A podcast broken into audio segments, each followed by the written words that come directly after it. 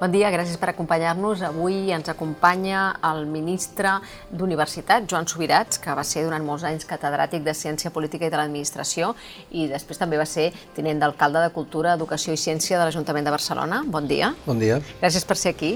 Molt bé. Com es porta això de passar de la pràctica, de la teoria a la pràctica? Doncs, bueno, eh, per una banda et sents eh, relativament més ben armat que altres que potser no tenien aquesta preparació prèvia, en el meu cas, doncs, més teòrica. Eh, jo diria que com que la meva especialitat també era polítiques públiques i gestió pública, això m'acostava més no? a un tipus de pràctica del funcionament de l'administració. I després tota la part aquesta més clàssica de ciència política de les institucions, doncs el funcionament del Parlament, és a dir, hi ha el llenguatge no més nou, la, quan en parlen de subsecretaris o de secretaris generals o de secretaris d'Estat, o de, no? això ho controlo, i després segurament la part més pràctica que seria dir, bueno, però això funcionava exactament com tu imaginaves i com tu explicaves a classe, bueno, et diria que, diria que, que sí, bastant, amb, amb, alguns, amb alguns elements que, als quals potser ara li donaria més importància si ho expliqués una novament a classe. Per exemple, doncs, la sensació que, jo, que ja sempre s'explica del, curt, del curt termini, no? de, de que no? l'horitzó s'acaba al cap de setmana, no? és, molt, és molt limitat. I després també una altra cosa que, que potser posaria més de relleu ara, si ho expliqués, seria l'enorme importància que tenen els mitjans o en general l'espai comunicatiu, perquè ara no parlem només de mitjans sinó de xarxes. No? Llavors, eh, són dos elements que, que tot i que els tenia, diguem-ne, incorporats com a elements importants, mm, han pujat molt de, molt de relleu. Llavors jo crec que això, la, els dos, no? eh, es combinen perquè llavors fa que elements més de caràcter estratègic, més de fons, no? aparentment no, no apareixen, no estan presents, i en canvi sí que hi han de ser-hi a l'hora de, de plantejar una política, no? en aquest cas una política universitària, per exemple. No? Has de tenir una perspectiva, però en canvi el dia a dia a vegades impedeix que aquesta perspectiva doncs, llueixi o, o es pugui implementar de la manera com voldries. No? Vostè també s'ocupava d'innovació a l'administració. Uh -huh. Què pensa de la innovació a l'administració quan entra al Ministeri o al Consell de Ministres? Doncs eh, que hi ha molt per fer. Aquesta seria la, la, la conclusió, és a dir, sí que és cert, hi ha una frase famosa de Madeleine Albright, no?, que diu, abans de morir, no?, fa relativament poc, deia, tenim problemes, ens enfrontem a problemes del segle XXI amb conceptes del segle XX i amb instruments del segle XIX. No? Llavors, l'administració pública és un instrument bavarià, diguem-ne, no? pensat en termes de segle XIX més aviat, no? i amb una gran preocupació, eh, diguem-ne, per, pel, pel control dels processos i amb menys, amb menys diguem-ne, li dona menys importància al tema dels resultats, perquè és una administració al segle XIX que estava més pensada en termes de que no abusés no? l'administració del seu poder, i en canvi, com que feia menys coses l'administració, i no és l'administració del segle XIX la de l'estat de benestar, que es medeix no pel procés, sinó per la capacitat de curar la gent o d'ensenyar la gent, etc. Llavors aquest èmfasi amb els resultats està menys present. Per exemple, doncs, encara ara no disposem d'un bon sistema d'avaluació de polítiques públiques no? en aquest país. No? I en canvi tenim un sistema de control d'administració judicial, eh, de processos espectacular. No? Bueno, això és un decalatge. Un control burocràtic? excessivament burocràtic? Bueno, és un control molt basat en, el, en els procediments i per tant que, que moltes vegades converteix un fet eh, concret que ha passat un, en un moment determinat eh, converteix en categoria casos que hi ha hagut. No? És a dir, hi ha hagut un cas de corrupció en un tal procés, doncs això ho hem d'evitar. Llavors construïm una categoria que impedeix aquell cas però que impedeix llavors moltes altres coses, o sigui, redueix molt la flexibilitat, perquè es posa l'èmfasi amb el procés i no amb el resultat. Òbviament, eh, el procés és important, vull dir, els, els diners són públics, són de tothom, s'han de controlar, hem d'evitar, diguem-ne, eh, situacions de prevaricació, de corrupció, això és obvi. Però tu podries posar més l'èmfasi en un control a posteriori o més, com ara és, amb un control a priori, no? I ara actualment els èmfasis, l'èmfasi està situat amb el control a priori i el control a posteriori doncs, és més tardà i continua sent de legalitat. Uh, ministre, el seu predecessor va redactar una llei d'universitats que va ser polèmica i que vostè ha canviat. En què millora la llei, la situació actual? Clar, jo crec que la pregunta important a fer-se és val la pena fer una llei nova d'universitats eh, després de 20 anys de l'anterior? Aquesta és la pregunta que jo crec que la gent, quan llegeixi el projecte de llei, ha de plantejar-se, no? Llavors, val la pena fer-ho, no? Jo me'l vaig plantejar, no? Eh, el, el projecte que plantejava, eh, que tenia plantejat el Manuel Castells, jo crec que amb, amb, clarament generava canvis molt importants i molt substantius que, que feien que valgués la pena aprovar aquest, eh, un projecte de llei, però també és cert que havia generat una situació de bloqueig negatiu, és a dir, els diferents actors del sistema universitari, no? estudiants, professors, els que estan, diguem-ne, fent carrera universitària, els rectors, eh, els consells socials, per raons diferents, tots estaven d'acord en que no estaven d'acord, no? però no estaven d'acord entre si en res. No? Llavors, clar, això és molt difícil llavors avançar. Llavors, el que, el que jo he intentat fer és canviar una mica el, el, el marc del, del tema no? i posar de relleu, diguem-ne, temes centrals. No? És a dir, falta, una de les grans queixes del sistema universitari era que faltaven recursos. No? I és cert, o sigui, el sistema està subfinançat. No? És dir, en aquests moments encara no hem recuperat el nivell de finançament públic que teníem el 2019, el 2009. O sigui, encara no s'ha recuperat el nivell del 2009. I és obvi que hi ha problemes de finançament de les universitats perquè ha caigut un 20% el finançament públic de les universitats en 10 anys. Però jo la pregunta que plantejo i que plantejo els rectors i la comunitat universitària és, bueno, mm, nosaltres ara ens comprometem a augmentar el pressupost eh, de, de recursos públics per les universitats públiques, però les universitats públiques han de reforçar la seva capacitat de servei a aquesta societat per, fer, per, per ser capaços de respondre a aquest nivell de confiança, perquè si, si, baixen el, si baixa el finançament públic i només ens queixem els universitaris i ningú més es queixa, senyal de que la nostra capacitat de servei o si quan fem un projecte de llei nou només ens queixem de, del temes de governança, vol dir que alguna cosa falla, no? És a dir, per exemple, mm, eh, tenim una, una universitat en què només el, el, el 5% dels universitaris de grau i postgrau tenen més de 30 anys. El 95% són, tenen entre 18 i 25 anys, i 29 anys. Mm, estem parlant tot el dia de formació al llarg de la vida. Els dèficits formatius d'aquest país són espectaculars. Llavors, potser que ens plantegéssim no? eh, si hem de, hem de seguir tenint una universitat per una edat o una universitat per totes les edats. Eh, les empreses ens diuen que necessiten talent nou, que necessiten reciclatge, que necessiten eh, formació, no? tothom, no, els experts eh, en temes de, de, de recorregut vital, diuen abans estudiaves una cosa amb la, a partir de la qual treballaves tota la vida i després et jubilaves. Ara, per treballar d'alguna cosa, al llarg de la vida, has de seguir estudiant tota la vida. Per tant, vol dir que les universitats no poden pensar que, com abans, fan una formació i ja aquella persona, amb aquella formació ja li val per sempre. Han de començar a posar per dir-ho així en broma, un servici postventa, no? És a dir, que si tu eh, fas, diguem-ne, ciències polítiques o fas dret o fas econòmiques, doncs la universitat en qual, la qual tu has estudiat, la teva alma mater, t'hauria d'anar avisant cada any o cada dos anys, escolta, hi ha un curs de reciclatge mm, per... i això ho hem posat a la llei. Com... I, I les universitats públiques i, i privades estaran en les mateixes condicions de sortida per sumar-se a aquesta formació continuada?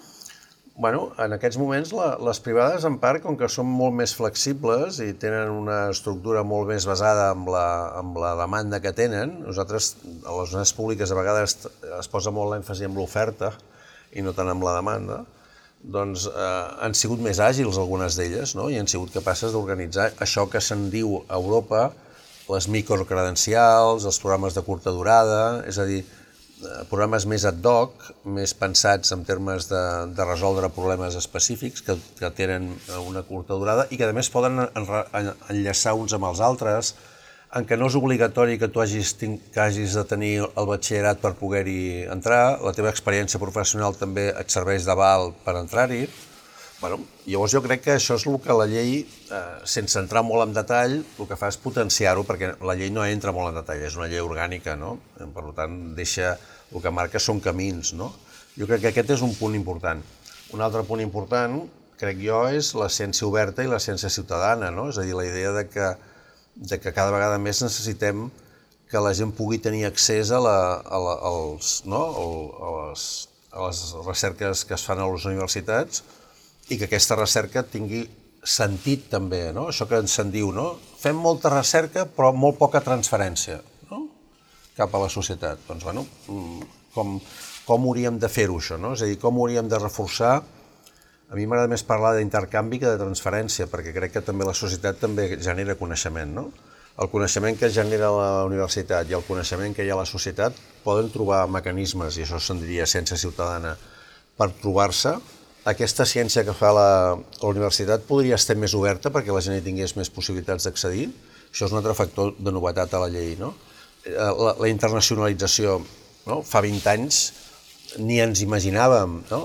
Que, que estaríem amb aquest nivell d'internacionalització, per exemple, de, de l'ensenyament superior, que Europa doncs, ha creat xarxes d'universitats europees, es parla de títols europeus, es parla d'un carnet d'estudiant europeu amb el qual podràs viatjar per, per, per Europa.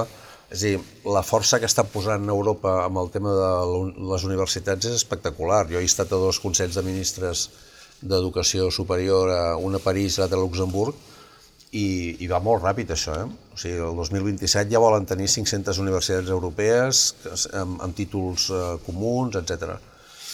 Mm, aquest també, això no estava gens present el 2000, el 2000 quan es va fer l'altra llei, no? És a dir, si anem comptant les coses noves que el projecte de llei incorpora i ho posem en una, en, en una balança, diguem, veuríem que val la pena intentar tenir una llei nova perquè situa les universitats cap al futur amb una projecció que ara no tenen. Anem a coses concretes. Uh mhm. -huh. Per exemple, el tema de la governança i després anem a altres temes. El rector eh, no caldrà que sigui catedràtic, però haurà de ser funcionari? Sí, perquè el, el fet de que sigui funcionari és, eh, és una obligació des del punt de vista d'administració pública perquè és la màxima autoritat que la seva funció és una funció de caràcter públic i, per tant, ha de tenir la categoria de funcionari. És a dir, aquest valor afegit de la funció pública, de tenir aquest atribut de funcionari, en el cas del rector se li, se li exigeix. Però, en canvi, no caldria que fos catedràtic. No? Això és una decisió que prendran les universitats. Mm? És a dir, que el, els, el, els estatuts de, les, de cada universitat decidirà quin, L'únic que sí que em posem, posem a la llei és que eh, la seva durada serà de 6 anys i no podrà ser eh, tornat a escollir, no es podrà tornar a presentar. Eh?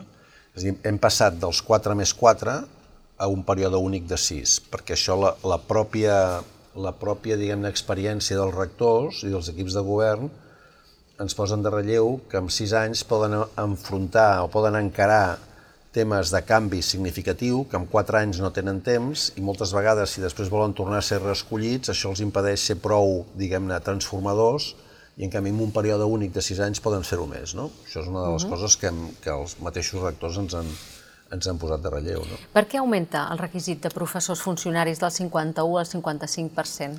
No, no, en aquests moments la llei només dirà que és, han, de, han de ser majoria, no dirà res més. O sigui, el projecte de llei que van presentar fa 15 dies es diu que han de tenir majoria perquè és una obligació que ens posa funció pública, però no, no posa una xifra determinada. De tal manera que fins i tot podríem considerar eh, que, que si vas veient els diferents tipus de, de situació estatutària dels professors, uh -huh a lo millor no caldria que passessin del 50%, perquè majoria vol dir que han de ser majoria en relació als altres tipus uh -huh. que hi existeixen, no? laborals, eh, distingits, eh, visitants, no? és a dir, per tant, pot ser uh -huh. associats... I respecte a la veu dels estudiants, tindran més veu? Alguns professors es pregunten per què els estudiants que d'alguna manera van de pas o estan uns anys determinats, eh, per què es dona eh, una presència fins al 25% dels estudiants? Jo crec que amb el tema dels estudiants jo he volgut ser molt clar amb això, perquè una de les coses que és evident que ha passat en els darrers anys és que s'ha reduït molt el pes i la significació de la docència a les universitats és, ha, molta gent ho sap, no? No és, cap, eh, no és cap secret dir que els professors entre nosaltres parlem de càrrega docent, no? I diem, com estàs aquest any de càrrega docent, no? És a dir, perquè representa que la docència és una càrrega en relació a què? En relació a el que ens agrada fer, que és la investigació. I el més el que se'ns valora més, perquè llavors els sexenis, no? la manera de créixer des del punt de vista professional, són també els sexenis d'investigació i les publicacions. I la docència ha anat considerant-se un factor cada vegada més residual en el, en el que és la perspectiva de treball dels professors. No? I això, els alumnes es queixen d'això. Es queixen també de la manca d'innovació docent, de la manca d'actualització dels professors, de que, de que segueixen eh, pensant eh, i fent classes com si no hi hagués, diguem-ne, Wikipedia, per dir alguna cosa. No? És a dir, segueixen centrant-se molt amb el tema de la transmissió de coneixements i menys amb temes de capacitats i d'habilitats. No? Llavors, nosaltres hem escoltat les queixes del, dels, dels estudiants i jo crec que tenen una part de raó molt important perquè sense els estudiants la universitat no tindria sentit. És a dir, nosaltres parlem de la tradició mil·lenària de les universitats i parlem de Bolònia, de Salamanca, d'Oxford, de, de la Sorbona, i, i, i recordem l'època en la qual es movien els estudiants per tota Europa fa mil anys a veure els mestres, els grans mestres, no? en aquests estudis que es deien. La, això és la base, diguem-ne, de, de funcionament de les universitats, són la capacitat de transmetre coneixement. Evidentment, la de creació també de coneixement. Llavors, hem de posar de relleu això, no? Llavors, com, com d'alguna manera reforçar aquests passavolants no? Que són els estudiants? Doncs donant-los força en allò que és la seva, que és la seva diguem-ne, prioritat, no? que és rebre una bona formació. No? Llavors nosaltres hem, hem incorporat la idea de que ells tinguin una participació significativa a les guies docents, etc. Lo del 25% al claustre és també perquè, eh, d'alguna manera, la seva veu sigui escoltada en el lloc que al final és el lloc de decisió més significatiu, no? que és el claustre de la universitat, on també formen part el PAS, els professors, etc. El vot, el vot, per exemple, és un vot ponderat, és a dir, que val a, perquè si hi hagués sufragi universal, a l'hora de l'escollir el rector, els, els, els, els estudiants serien els que manarien, perquè són molts més que la resta. Uh -huh. Però el vot és ponderat, és a dir, que hem buscat els equilibris necessaris però també incorporem coses que en, en aquests moments, després de la pandèmia, són molt importants. Per exemple, eh, hem tingut moltes senyals de que hi ha problemes de caràcter psicològic, eh, d'equilibri emocional a les campus. Eh? Llavors hem incorporat la idea de que tota universitat ha de tenir un servei de, de, de suport emocional. Hem incorporat la idea de que els professors, quan comencen el seu primer any, quan són contractats, hagin de fer un curs d'innovació docent perquè és l'única fase en tot el sistema educatiu en què una persona es posava a fer classes sense que ningú li hagués explicat com s'havia de fer. A mi em va passar, històricament, fa 47 anys. No? Pues, eh, el, en aquests moments hem dit no, no, ha d'haver-hi un curs d'innovació docent que, que, que les universitats facin, o sigui, no obliguem a que sigui d'una determinada manera, que cada universitat decideixi com ho fa. No? Hem dit també que, que estaria molt bé incorporar les pràctiques d'aprenentatge i servei que moltes universitats tenen, no? és a dir, que l'estudiant pugui estar un temps fora no? fent una pràctica i tutoritzada, el tema de les, de les mentories, que estudiants d'últims cursos uh -huh. puguin fer de mentors dels primers cursos. Hem incorporat molts elements de renovació diguem del sistema docent per reforçar aquesta idea. No? Un problema tradicional de la universitat, no només espanyola, però espanyola també, és, és l'endogàmia. En canvi, ara hi ha una, una decisió que és eh, no necessàriament desvincular a una persona que faci la tesi de la seva universitat. Això va a favor de l'endogàmia? Bueno, eh, hi ha una... han de passar un temps fora, no? És a dir, no, no, poden, no poden fer simplement la continuïtat. Quedar-se en la mateixa universitat on han fet la tesi. Sí, però eh, en, la, en, la, en el moment en què hi hagi, eh, que, que se'ls hagi d'incorporar com, a contracta, com a contractats, la majoria de la comissió que ha de formar, que ha de decidir això, haurà de ser exterior, no podrà ser de la pròpia universitat. No? Per tant, hi ha una garantia, d'alguna manera, de que la decisió final no és estrictament interna de la universitat. I com es tria aquesta comissió? Es triarà a través d'un mecanisme de sorteig i podran ser, i podran ser també professors d'altres països, estrangers també. No? Aquí, per exemple, tenim l'experiència de la Serra Hunter, no? que és una experiència molt interessant en què, en què s'ha fet i estem buscant la manera de que això es pugui, es pugui també... Però fixem-nos que la llei tampoc no defineix exactament com es farà, perquè tot allò que pugui després fer-se a través de decrets i de reglaments és molt millor, en el sentit de que no obliga a canviar una llei orgànica. La llei orgànica costa molt de canviar, majoria absoluta en el, en el Congrés de Diputats, en canvi, si, si som més àgils, si fixem les grans línies i som més àgils després amb, amb decrets i amb reglaments, serà molt millor, no? -huh. Manuel Castells ens va dir a l'Ara que no estava d'acord amb el model neoliberal de la Universitat Catalana. Hi ha universitats neoliberals a Catalunya? Mm, no sé què es referia exactament amb el Castells, no? Jo crec que el, el, el, model, el model de les universitats catalanes, si hi ha un model determinat, és un model d'èxit. No? És a dir, si un, si un relaciona tres coses, no? que seria la renta per càpita que hi ha a cada comunitat autònoma, la inversió que la comunitat autònoma fa a les universitats públiques d'aquesta comunitat autònoma i els resultats d'aquestes universitats, si hi ha alguna... El, o sigui, normalment la llista de renta per càpita ja t'està dient quina seria el, la, la lògica de resultats de les universitats, perquè lògicament hi ha més recursos, no? les societats són més potents, són més riques, tenen més pressió i aconseguirien que les universitats fossin d'alguna... Hi ha, alguns, hi ha alguns decalatges amb això, sí. Per exemple, eh, com que la Comunitat de Madrid és la que menys inversió pública fa en universitats, les seves universitats estan una mica per sota dels resultats del que la seva potència com a universitat eh, tindria. La, la comunitat, de, la comunitat de la, la Catalunya és la segona que menys inversió pública fa en universitats. Però tot i així, les universitats aconsegueixen estar molt amunt en l'índex de resultats. Vol dir que l'esforç que fan és molt important. Jo no sé si això se'n diu neoliberal o no. Jo diria que té molt, molt bons resultats. Han aconseguit, segurament, a través d'un mecanisme que és que jo crec que s'ha de corregir, que és augmentar les tasses no?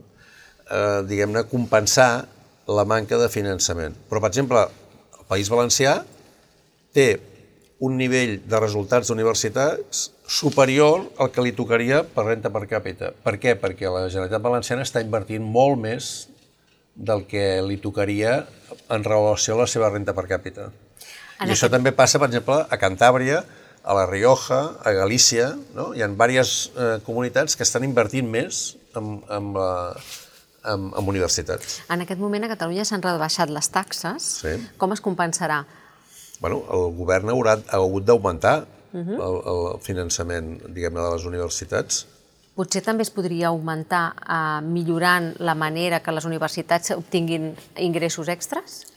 Bueno, diguem-ne, això ho estan fent perquè, repeteixo, eh, aquesta, aquesta, aquest infrafinançament de les universitats catalanes s'ha compensat en, en part per la, per la pujada de taxes i en part per la quantitat d'activitats de, de, de, de recerca i de tota manera que les universitats s'han empescat per fer. Per...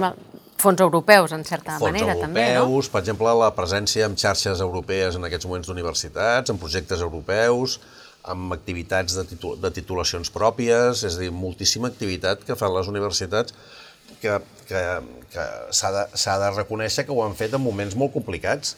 Ara, jo crec que hem de donar resposta perquè en aquests moments és que la, el que en diríem el finançament públic en molts casos no arriba ni a cobrir les parts més bàsiques de funcionament de la universitat i això jo crec, per exemple, amb el període de Manuel Castells es va fer una iniciativa molt bona que va ser la creació de, de beques, diguem-ne, la Margarita Sales, la Maria Zambrano i, i ajudes de digitalització que van anar directes de l'Estat a les universitats les comunitats autònomes haguessin pogut aixecar la mà i dir, escolti, vostè està entrant en un terreny eh, en el qual m'està, eh, diguem-ne, trepitjant la meva competència institucional. Ningú va dir res, perquè tal com estaven les coses, les universitats necessitaven aquests recursos com, com agua de mayo, no?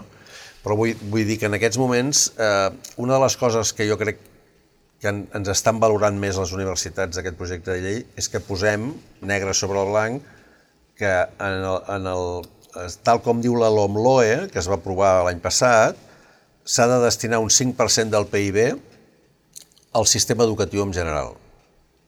El 20% de la despesa o de la inversió en educació, millor dit, és universitat. Per tant, l'1% del PIB s'ha de destinar a universitats. Això ho hem posat a la, en el projecte de llei. Llavors jo crec que això és molt important perquè estem en el 0,7. Uh -huh. Això són 2.000 milions més d'euros. De, aconseguir eh, abans del 2030, amb un programa que s'ha de pactar abans de final d'any, perquè a la LOMLO es diu que abans de que acabi l'any l'Estat haurà de reunir-se amb les comunitats autònomes per definir el sistema de, de, de creixement d'aquesta despesa. Bueno, doncs, jo crec que això és un intent de, de dir us estem demanant que feu més coses a les universitats, que tingueu més necessitats de caràcter social i públic, però també som conscients de que cal reforçar el finançament públic d'aquestes universitats. No? Hi ha professors universitaris que asseguren que el nivell dels estudiants eh, cada cop és pitjor. Això ho comparteix? Jo vaig entrar a la universitat com a professor l'any 1974 i es deia això. I es deia, és que ara ja veuràs com el nivell dels estudiants ha baixat molt. O sigui, porto 47 anys escoltant la mateixa frase, no? No em sembla que pugui, diguem-ne, ser tan, tan clar això. Jo crec que la... Si volguéssim ser una mica taxatius, diríem amb els professors no se'ls contracta perquè constatin lo mal preparats que estan els estudiants. Se'ls contracta perquè millorin el, la formació d'aquests estudiants.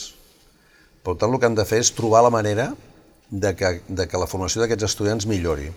I potser hi ha un problema també amb els mètodes docents, amb la manera de fer-ho. És a dir, per exemple, ens haurien de preguntar, en un moment en què després de la pandèmia s'ha generalitzat tant la formació online, quin és el valor de la presencialitat. És a dir, quina diferència hi ha entre anar a la classe del professor Subirats, que la té enllaunada i que la puc veure com vulgui, o la classe presencial que faci el professor Subirats. No? Doncs això vol dir que hem de convertir aquesta, aquesta classe en un element d'experiència, no? de, de debat, de socialització molt més vital i no pot ser només una transmissió de coneixement que ja puc veure-la en qualsevol moment perquè hi ha els MOOCs hi ha les... No? És a dir, llavors vol dir que hem de repensar també la, inclús l'estructura. O sigui, fa uns anys els investigadors eren herois individuals que descobrien coses Ara ningú pensa en, en la investigació com una feina individual, ho pensa com una feina col·lectiva. Per què la docència és una feina heroica individual? El professor sol que s'enfronta als estudiants i els... Per què, no entenguem, per què no ho entenem com un element més col·lectiu? És a dir, per què no comencem a pensar en fórmules mixtes de més d'un professor a l'aula, grups petits, combinacions de mètodes no hem, no hem arribat, o sigui, la innovació i la força que s'ha produït en, el, en els canvis en investigació no s'han fet en l'àmbit de, la, de la docència. I com es pot avaluar aquesta innovació docent? Bueno, és un, si ho féssim, jo crec que el més difícil és una avaluació de caràcter individual. Si féssim un sistema d'avaluació més col·lectiva, de departament o de titulació, és més fàcil. És a dir, podríem buscar fórmules de, de resultats, podríem buscar fórmules de satisfacció dels estudiants, podríem combinar de diversa manera. Si és, si és el professor aïllat a classe, no? que fa la classe magistral tradicional, jo crec que aquí les dificultats d'avaluació són més grans, i això està passant, és a dir, la, els, els incentius, és dir, així com hi ha un sexeni de recerca que està molt basat en les publicacions científiques que tu tens i tal, el quinqueni de docència es dona per antiguitat. No? O sigui, quan fa cinc anys et donen un quinqueni jo crec que hem de buscar fórmules d'avaluació de, de la docència que siguin una mica més sofisticades i que tinguin un caràcter més col·lectiu, i això que crec que és possible, perquè almenys la gent que... Nosaltres hi ha una... Tot, quasi totes les universitats tenen instituts de ciències de l'educació on es fa innovació docent. ells podrien ser, aquesta pregunta la podríem traslladar i la podem traslladar en aquests centres i que ens ajudin a buscar fórmules d'avaluació de la docència que, que siguin actuals. Els rectors van acordar fer un 80% de classes en català a les universitats de Catalunya. Comparteix el diagnòstic, que és que cada cop eh, es parla menys català a la universitat, i la solució que, que van acordar? Jo crec que la, la... Clar, jo vaig ser dels, dels primers professors que van poder fer les classes en català. Estic parlant de fa, de fa molts anys, als 80, el, sí, a final, finals dels 70, principis dels 80 jo crec que eh, la cosa va per, va per carreres i va per barris. És a dir, hi ha facultats i estudis on la presència del català és, és molt majoritària i altres que, que ho, ho són menys. No? Eh, també cada vegada més es parla de la importància de que hi hagi l'anglès també no? present en la, a la docència i de fet cada vegada hi ha més anglès present. No? Estem molt interessats en que vinguin més estudiants estrangers a estudiar aquí. No? Per tant, jo crec que la combinació de, de català, castellà i anglès és, és important. Evidentment, jo crec que la llengua nostra d'ús ha de ser el català i ha de tenir, després, evidentment, presència el castellà i l'anglès de manera també, diguem-ne, natural. El més important, i això em sembla que, que, ho hem, que ho hem aclarit, és que les guies docents expliqui quina és la llengua amb què es farà aquella classe i que això sigui un compromís amb l'estudiant. Per tant, això ens permetrà també, no? si, hi ha, si cada, a cada titulació les guies docents especifiquen, la guia docent vol dir què es farà el curs, no? i es posa la llengua en què es farà, tindrem una base per, després ens, ens diuen, alguns ens diuen que sí, que això ho posa la guia docent, però després no es fa. Bueno, haurem de comprovar-ho. Els, els, els alumnes ens han demanat també que hi hagi aquesta capacitat de contrast entre el que diu la guia docent i la pràctica, i ells ens ajudaran també a exigir que això sigui així. Amb el tema dels estrangers, eh, s'ajudarà amb el tema dels visats, a la presència, a la major presència d'estrangers a les universitats? Sí, no, no, això és un de les, dels objectius molt importants. No? La, aquí hem rebut diverses suggerències amb aquest tema, per exemple, un que jo crec, una suggerència que hem acceptat i l'hem posat en la llei, és de que un estudiant, quan ve aquí a estudiar, a, fins ara estava obligat a anar demanant permís de residència cada any. Eh? I en canvi ara nosaltres a la llei hem posat que aquest permís de residència duri el temps que durin els estudis. No? Això crec que és una facilitat important. Segon element, també ens han suggerit que estaria molt bé, com que també molta gent ve aquí a estudiar i després vol millor, vol estar un temps treballant, i això pot ser una, un element que ens permeti captar talent també de persones que siguin interessants, que puguin quedar-se aquí a treballar, si volen, doncs la idea de que durant els dos anys després d'acabar la seva titulació puguin també tenir un permís de treball que els hi permeti allargar aquest, aquest, aquest, aquest, aquest permís, aquesta residència buscant feina. Això és una cosa, jo crec que per exemple a Barcelona és un destí eh, evident, molt important de, de recepció d'estudiants. No només Barcelona, Granada és impressionant, o Salamanca, són, són, són ciutats que tenen un nivell de recepció d'estudiants espectacular. Hem de pensar que, que el programa Erasmus, Espanya és el primer país amb recepció d'estudiants estrangers. I, i, i el programa Erasmus eh, és una mica el, la font d'inspiració de tota aquesta gran onada de, de, de, de l'espai europeu d'educació superior. No? De construcció europea, potser. Exactament. Hi ha una frase que es fa servir ara en l'espai europeu d'educació superior que diuen, que és molt retòrica si voleu, que diu les universitats són el far que projecta al món els valors d'Europa. No? Aquesta és la frase que es fa servir, diguem no? I recordo quan, va, quan es va fer aquesta reunió a París de Consells de Ministres d'Educació Superior, eh, la primera conferència que es va donar inaugural va ser precisament d'una un mestra, un professor del Collège de France, que ens va explicar pues, la, la tradició de l'edat mitja dels grans estudis, no? i la, que el coneixement no té fronteres, i no? és una idea... Les universitats era, van néixer amb una lògica de globalització i de contemporaneitat espectacular, si ho mires amb el, amb, amb el temps. No? Fa un moment parlava de Barcelona, vostè eh, va tenir un paper actiu a, a l'Ajuntament, en, el, en el govern de la senyora Colau. Què n'opina que la senyora Colau hagi decidit presentar-se a un tercer mandat? Jo ho aplaudeixo. Crec que, crec que eh, el, aquests vuit anys que es compliran, doncs ara eh, són set, no? que es compliran el maig que ve, diguem-ne, hi ha hagut un canvi d'agenda, no? un canvi de, de prioritats a la ciutat que em sembla molt important i des del meu punt de vista mm, diguem-ne que situa projecte, projecte i situa Barcelona en, el, en la mateixa línia que, que les grans ciutats com Copenhague, Helsinki, eh, París, etc, Londres, no? que estan fixant-se eh, elements centrals de qualitat de vida i de ser capaços de mantenir els grans valors de la vida urbana amb, la, amb, la, amb, la, amb reduir els inconvenients d'aquesta vida urbana, que és la densitat, la pol·lució, etc etc. no? Per tant, obrir espais... Clar, Barcelona eh, és una ciutat particularment complicada, perquè és, és en París les dues ciutats més denses d'Europa.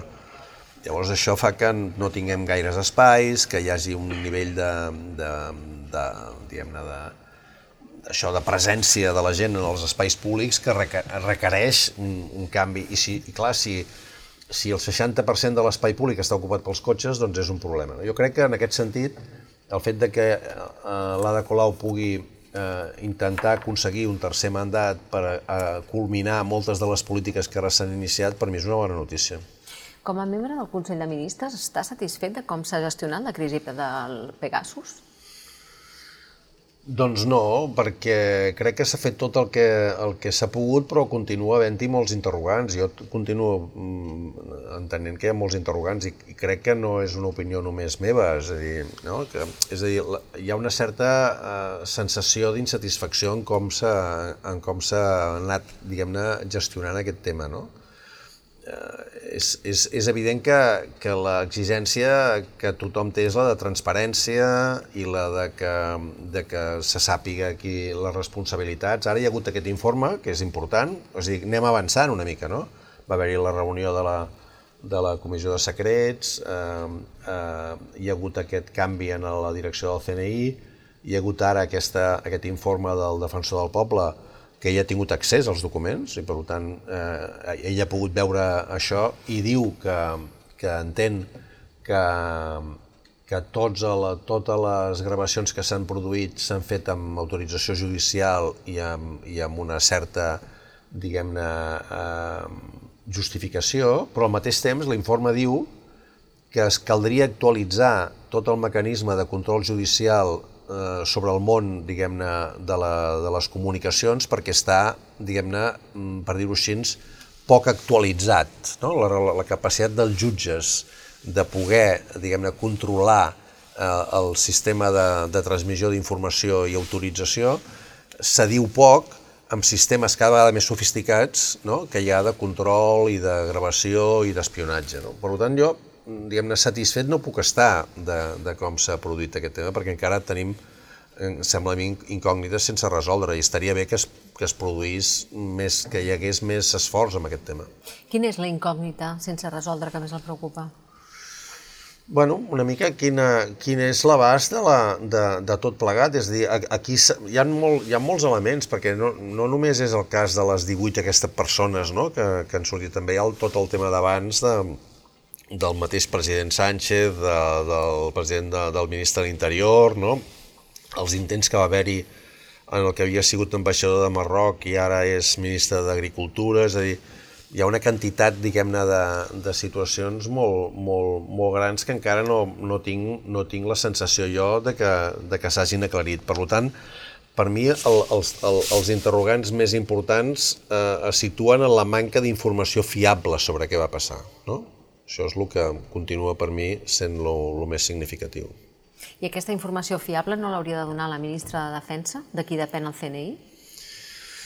Sí, clar, és, és difícil perquè entenc que estem en aquella situació típica en la que hi han temes que formen part de, de responsabilitats que estan molt situades, sigui en la, en, a, en la Ministeri de Defensa, sigui a, a Presidència, i que, per tant, és difícil que des d'altres ministeris nosaltres hi tinguem accés, perquè són responsabilitats específiques. I, per altra banda, eh, el, fer, ara, aquest dijous que veia la, la compareixença del Pedro Sánchez sobre aquesta qüestió de manera monogràfica. Per tant, diguem-ne, ara tenim l'expectativa de saber quina serà l'explicació que es pugui donar. Però fins ara l'explicació que s'ha anat donant és parcial, des del meu punt de vista. No? Mm -hmm. Fins ara s'ha parlat de 18 casos en els quals hi hauria hagut autorització judicial, però Citizens Lab eh, parlava d'una vuitantena d'independentistes o persones eh, de l'entorn independentista que, que haurien estat espiades. Eh, es pot espiar algú per ser independentista? Jo crec que no pel, fet de, pel simple fet de ser independentista, no. No, no conec quina, quines... O sigui, així com el defensor del poble diu que eh, tots aquests casos, aquests 18 casos, comptaven amb autorització judicial i segons he llegit, eh, aquesta autorització judicial es donava sobre la base d'una argumentació que era sòlida, això és el que ha fet servir el, el defensor del poble, eh, jo espero que aquesta, eh, diguem-ne, eh, justificació vagi més enllà del fet de que aquesta persona és independentista o no és independentista, no? perquè per mi aquest fet no... És a dir, no crec que es pugui confondre la democràcia amb l'estat de dret, en el sentit, diguem-ne, no? més clàssic d'aquest debat tradicional. No? És a dir, el fet de que, de que les democràcies més fortes es basin precisament amb la capacitat de dissens que són capaces de contenir, doncs vol dir que en molts casos aquesta democràcia incorpora persones que estan a favor del canvi del sistema, no? en un sentit o en un altre. Per tant, jo crec que no, no hauria de, de poder-se justificar eh, diguem-ne, una intromissió a la, a la vida privada de la gent sobre la base de les idees. No? En les últimes dades del CIS parlen d'una majoria del PP i, i Vox. Eh, S'ha deteriorat tant la, la imatge del PSOE o la majoria que li va donar la, la confiança a Pedro Sánchez? Jo crec que hi ha una... És molt difícil atribuir nexes de causalitat eh, a l'hora de veure l'evolució de, les, de les enquestes. No? I al mateix temps, eh, aquestes enquestes són d'un nivell de, de fiabilitat relatiu. Sí que marques, marquen tendències, això no, no ho nego perquè només faltaria, no? però però hi ha un element de volatilitat molt gran en la, en la situació. Llavors jo diria que, que evidentment, eh, els, els anys de, de govern de, de Pedro Sánchez són anys d'un nivell de, de pressió i de tensió molt alts. Eh, bueno, recordem no? tot, el, tot el tema de, de, de la pandèmia, després la, la guerra, els efectes que això té des del punt de vista energètic, des del punt de vista de recuperació, eh, tot el que va ser la, la capacitat de, de reconstruir eh, llaços de confiança, això és molt complicat i el desgast és enorme cada dia. No? Mm, a mi també m'agradaria veure que aixequéssim la mirada i miréssim el que està passant a la resta d'Europa. No? En general, aquestes situacions de deteriorament i de crisi són, són, són generals. No? Eh, veurem el que passa ara amb les eleccions eh, a França, no? però, però és molt probable que hi hagi una situació d'inestabilitat també a França eh, bastant clara. No? Amb el tema energètic estem simplement a l'inici d'una situació que es anirà complicant. Per tant, la, la tendència a vegades a pensar que, que els que, no, els que no hi són ho poden fer millor perquè els que, els que, els que hi són no acaben de donar respostes, eh, sempre hi és. Ara, mirem el que està passant, per exemple, des del punt de vista del mercat de treball. Eh, han augmentat, no? mai es havia produït una situació en la qual 20 milions de persones estiguessin cotitzant a la Seguretat Social, no? O, el, no, o el que ha passat amb la reforma laboral, no? amb un nivell d'estabilitat de, en, la, en, el, en els llocs de treball enorme, amb un augment del salari mínim significatiu, és a dir, diguem-ne, les coses del comer, per dir alguna cosa, jo crec que hi ha uns, alguns elements que, que són molt diferents del com s'han encarat ara de com es van encarar a la, a la crisi financera del 2007, 2008, 2009, no? I jo crec que això és molt important. La capacitat de protecció, jo crec que una paraula per mi clau, eh, molt de, de l'època del Cal Polanyi, diguem-ne, per mi la, la capacitat de protecció és un element central del, dels, dels estats. I la capacitat de protecció d'aquest govern és molt gran i, i ho segueix demostrant. Uh, la, la, la capacitat de, la, de les forces d'oposició de, diguem-ne, de, de, fer, de fer forat sobre la base, diguem-ne, de, de, de crear, diguem-ne, de, de pensar en menys impostos, de generar, diguem-ne, més enyorança a temps passats, no crec que sigui la resposta, evidentment. No? Enyorança de temps passats, vostè eh, citava fa una estona a, a Madeleine Albright, era l'últim llibre, la seva cita era una cita de, de Primo Levi que deia eh, tots els temps tenen el seu feixisme. Mm. Té por que nosaltres també tinguem un temps de feixisme? Sí, mai, mai acaba de ser veritat que, la, que el feixisme eh, diguem-ne es reprodueix tal com el tenim fixat en la retina, no? Però jo, que, que clar, he tingut ocasió en aquests cinc mesos que porto de ministre d'anar a algunes sessions al Congrés, tot i que no sóc diputat, doncs hi vaig sovint els dimecres quan hi ha sessió de control, eh, i tinc la, i estic assegut allà on seia l'Olfo Suárez del 23F, eh, per tant, darrere meu hi ha tota la bancada popular i veig a la dreta doncs, eh, els dirigents de Vox quan parlen, fa una mica de fredar, no? És a dir, és, a dir, és una, una situació mm, que la manera d'expressar-se, les coses que es diuen, eh, clar, jo que, com vostè, doncs hem viscut èpoques en les quals, diguem-ne, no? eh, les coses eren molt recents encara en el franquisme, etc doncs recorden, recorda aquestes, aquesta relació molt autoritària, molt, molt de, molt de amb mi o contra, o contra mi, no? que fa una mica de por realment. No? Uh, si això, això com es manifesta més des d'un punt de vista més clàssic de feixisme, doncs amb, amb, evidentment amb, amb temes molt vinculats a la intolerància, no? la intolerància respecte a la diversitat, la intolerància respecte a la, a la diversitat de gènere eh, o d'opcions o d'opcions sexuals, eh, la, la intolerància respecte a una cosa al·lucinant, és a dir, clar, hem de pensar que va haver-hi un acte de Vox a Madrid que va, van fer una falla i a dalt de tot de la falla que van cremar hi havia els objectius de l'ODS, no? els objectius de desenvolupament sostenible. I ells en diuen despotismo ambiental, no? i diuen que hi ha una, una, una connexió entre el Foro de Davos i el marxisme-leninisme per imposar un programa, diguem-ne, que és un programa de dictadura ambiental que, que va contra la gent, no? I que respon a, una, a uns interessos de, de les èlits no? que, que s'han vengut en aquesta, en aquesta eh, bogeria de, de la crisi de la, de la crisi de l'emergència climàtica. No? quan sents aquestes coses, entens que estan, estan fent referència a elements molt poc reflexius de la gent que eh, veuen les dificultats que hi ha per arribar a final de mes, per poder omplir el dipòsit de benzina, perquè el seu cotxe o la seva camioneta de gasoil, que encara continua funcionant de dièsel, perquè l'ha de canviar, perquè l'obliguen, eh, per què, no? És a dir, tantes preguntes no? que a vegades es barregen amb, amb per què no puc seguir fent el meu model de, de, de vida com jo tenia tota la vida, no?